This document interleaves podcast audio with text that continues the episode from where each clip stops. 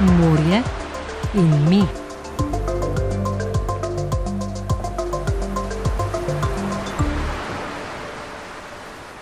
Meni morje pomeni veliko. Če bi mene eh, poslali živeti nekam v notranjost države, eh, da več ne vidim morja, da ne vidim eh, tega lepega sončnega zahoda na morju, potem bi to za mene pomenilo, kot da ste me zaprli. Bi bil priprt, bi bil zaprt. Tudi zato Aleksandr Kerin zase pravi, da je na morju rojen. Ja, jaz sem že kot otrok, oče je imel zmeram majšo barko, on je hodil na morje z to barko loviti z mrežami, je hodil tudi na luč za usmi in tako. Jaz sem dosti krat bil z njim na, barku, na barki še z osmimi leti in tako da kasneje, 14-15 leti sem bil že pomočnik, ko je vlekel mreže ven. E, potem se je oče upokojil, je bil spet nekaj let e, popodanski ribič, sem spet hodil z njim pomagati vleč mreže ven. Skratka, krasno je bilo. Lepo je bilo, vedno je bila kakšna ribica dobra za pojest, nekaj tudi za prodat. In uh, v glavnem zdaj pa grem, zdaj lovim samo še, mi rečemo temu, trnkarinje. Pripoveduje moj sogovornik na krovu svoje 8-metrske lesene barke Piros, ki jo je zgradil sam. Gradil sem jo celih sedem let po službi pol dopusta, prazniki nedelje. Opremljena je z klasičnimi jadri, kot eh, tip barke, vrsta barke bi pa rekli pasara. Pasara izhaja iz Hrvaške. Oblika barke je za potovanje štirih oseb, eh, praktično imamo gor eh, na njej vse, kar obstaja doma, od hladilnika, štedilnika, vode in tako dalje, vse je opremljeno za plovbo. Piros se od drugih tradicionalnih bark v izolskem mandraču razlikuje tako po velikosti, kakor tudi po svojih živih barvah. Trup je svetlo modr, bokošitnice rdeče barve, ostalo pa, kot vidimo na barki, je pa se natur vse v lesu. Ogrodje konstrukcije je hrastov les, dno je hrastov les, bok je macesen, kar se pa tiče gor polube nadgradnje, je pa vse v iroku in oziroma tikovini, kar je preoblečeno v tik kot lepotni videz. Da bo ladjedelski mojster je razmišljal že v osnovni šoli, za ta poklic je nameraval tudi izučiti. Vendar. Sem hotel po osnovni šoli iti v šolo za ladjedelca, ampak ta šola pri nas ni obstajala več v Kilni, bila je pa na reki. Za našo družino je bil to prevelik finančni zalogaj, tako da sem se odločil, da sem šel za mizarja eh, in je bila potem šola v Novi Gorici, kjer sem bil tudi štipendist opreme Izola in sem pol, uh, tudi dokončal šolo in tam naprej delal kot mizar. Svojo ladjedelsko žilico pa je usmeril v modelarstvo. Več kot 50 modelov najrazličnejših tipov originalov je ustvaril. Nekaj jih je izdelal tudi za Piranski pomorski muzej.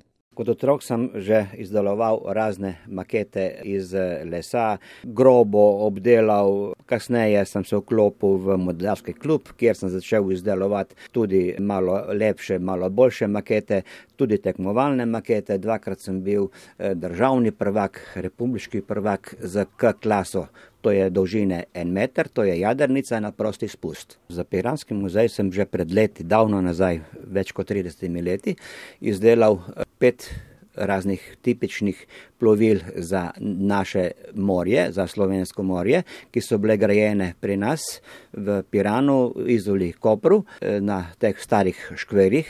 Med drugim sem izdelal tudi nekaj trojambornic eh, angleškega tipa, španskega tipa eh, in tako dalje, ampak to kasneje sem gotov, da ni več zanimivo za nas. Sem rekel, moram za nas, sem rekel, moram začeti delati takšna plovila, katera so tradicionalna in zanimiva iz naših krajev. In to sem tudi potem izdeloval. To je batana, to je bragoc, to je topo, to je bracera, trabakol.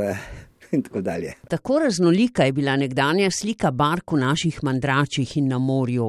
V zadnjih letih so nekaj tradicionalnih plovil lastniki prenovili, tudi na novo zgradili. Nekatera, kot rečeno, zdaj krasijo izolski mandrač. Imamo kar nekaj lepih primerkov batane, imamo primerke pasare, imamo primerka kajič. Kajič je podoben pasari, s tem, da kajič je malo bolj vitek, bolj ošter v pramcu, bolj ošter v krmi. Potem imamo lep primerek tudi gajete, imamo lep primerek ampeleje, to je štilac, ki prihaja iz Hrvaške, oziroma Hrvati rečejo štela, uradno je štilac, to je ampeleja, 12-metrska barka, krasna barka, lepo narejena v originalu.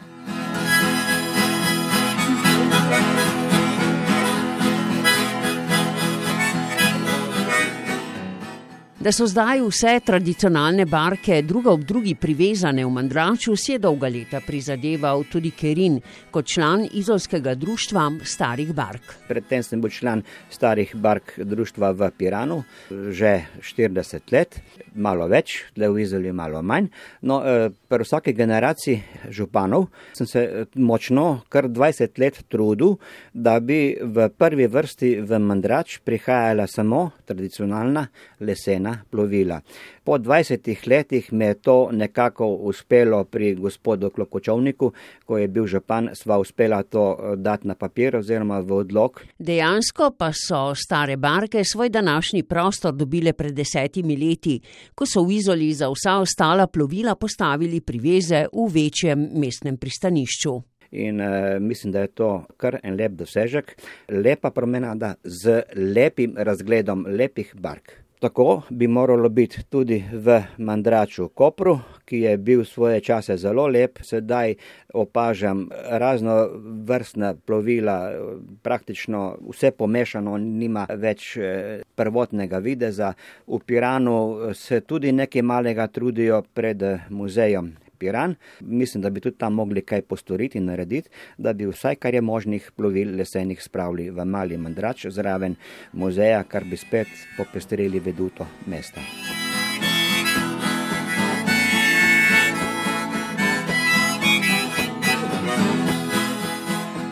Poklic lesarja pa mu je po nekaj letih odprl pot tudi v ladjedelstvo, ki je ostalo njegova skrita želja.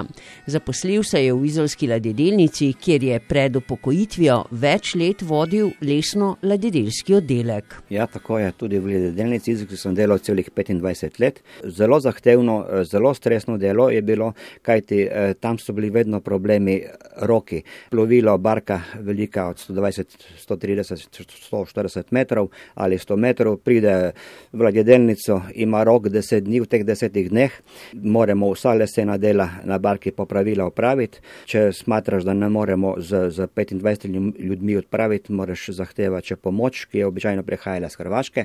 To so bili posebni mizarji, tem rečemo ladijski mizarji. Se spominja tega obdobja. Pridobljeno znanje zdaj prenaša na mlade. V skupini mlajših ladjedelcev, ki se je zbrala okrog izolana Tomija Sinožiča, med drugim lastnika omenjene barke Ampeleja, je tudi Aleksandrov sin Kristjan. Zdaj že kar nekaj časa, nekaj let se obadajo s temi rekonstrukcijami po pravilu starih bark. Seveda sam Tomi Sinožič uvaja tudi še ostale delavce, ki jih je mlajše, ljudi, ki se učijo, jih uči, se učimo skupaj z njimi, jim svetujemo in pomagamo jih učiti, da bi nekako ta tradicija vsaj deloma šla naprej. Zakaj je to pomembno? To je pomembno, veste, ker danes moramo gledati, veste, kako je sistem danes, to klima, ozračje, morje, sami smo se ga praktično uničili. In novejši materijali, ne vem, v morju, novejše izvedbe, vse to vpliva, po moje oceni, na, na vegetativo v morju, vpliva na ozračje. Bolje je bilo, ko včasih, veste, čovn na vesla, čovn na jadra. Nismo nobene škode povzročili, niti v zraku, niti v morju. Podnebne spremembe ga skrbijo. To je za moje pojme zelo zaskrbljujoče. Narava nas sicer zelo počasi opozarja, letos nas je morda malo globlje, malo bolje opozorila. Mislim, da v tej smeri bo treba kar nekaj narediti. Pa brez čakanja, ker narava ima tudi svoje zobe in jih pokaže, ko je ura, ko je cajt. Zaradi vse bolj vročih poletij pa bo treba, opozarja, prilagajati tudi materijale za vzdrževanje lesenih plovil. Sam lastnikom tudi svetuje, kako najbolje vzdrževati tradicionalne barke. Ja, lesena barka seveda potrebuje tudi finančno dosti večjo skrb za vzdrževanje. V zadnjih letih več se ne obadam s tem, ker nisem več zaposlen. Sem pa recimo raznim sem mentor, pomagam pri zasnovi, popravilu bark in svetujem kako in kaj, kakšne barve uporabljati, kakšne materijale uporabljati, ker to ni vseeno, kaj damo na njo. Ne. Se pravi, dolgoročno se to obrestuje. Poletja so zdaj izredno vroča, kot so bila pred 30 in več leti, tako da eh, trend eh, materijalov, ki jih uporabljamo, so eh, najboljše barve, najboljši materijali, ki smo ugotovili, da najdlje zdržijo, najbolje se obnesejo. Seveda, jaz sem tudi osebno sam za eno trgovino v Italiji, sem človek, ki mi podarijo določen artikel barve in jaz potem to barvo dam na mojo barko, jo sprobam, stestiram in ugotovim, če je to to, kar oni trdijo oziroma kar eh, proizvajalc eh, navaja.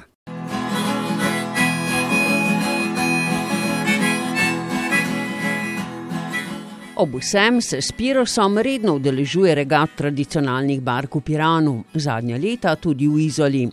Kaj pa potovanja? Tudi smo se včasih odpravljali na daljša potovanja, se pravi z ženo in prijateljem in ženo smo eh, večkrat bili tudi v Dalmaciji, no najdlje smo šli do Kornatov.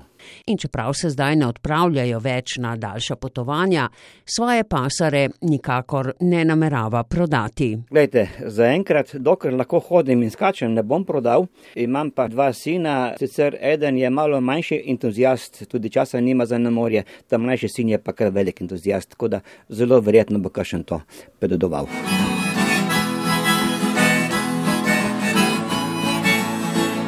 No, ko je na barki, pa večkrat odpre kovček, v katerem ima svojo dolgoletno spremljevalko, kitaro. Na nosilec namesti orglice in.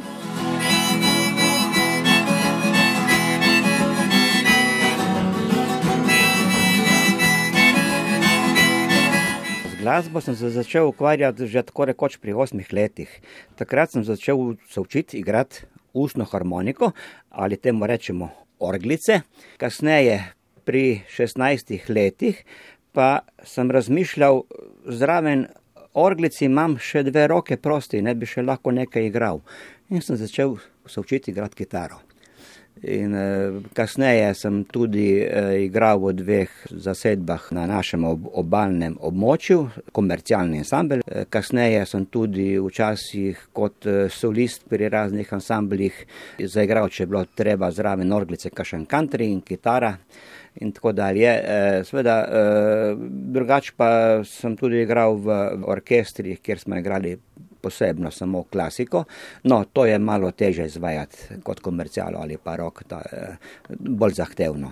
Na ustno harmoniko se je naučil igrati sam, za kitaro pa ima dokončano nižjo glasbeno šolo.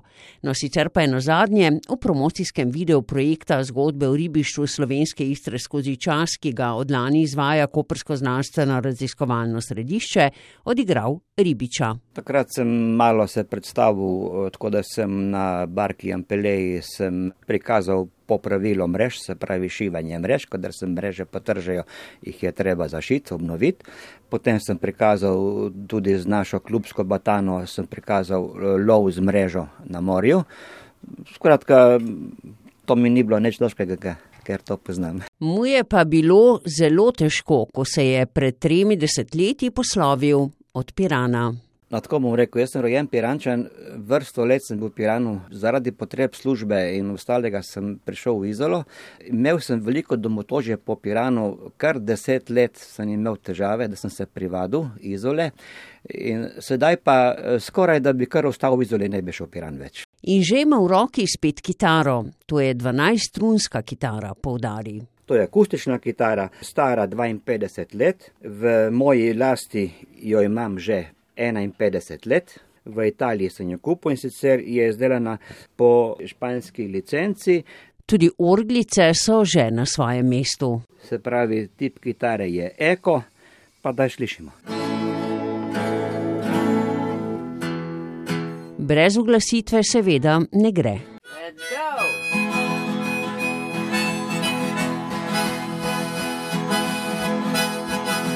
In tu zaključujem današnjo oddajo. Najdete jo tudi na podcastih RTV Slovenija. Slišimo se čez teden dni.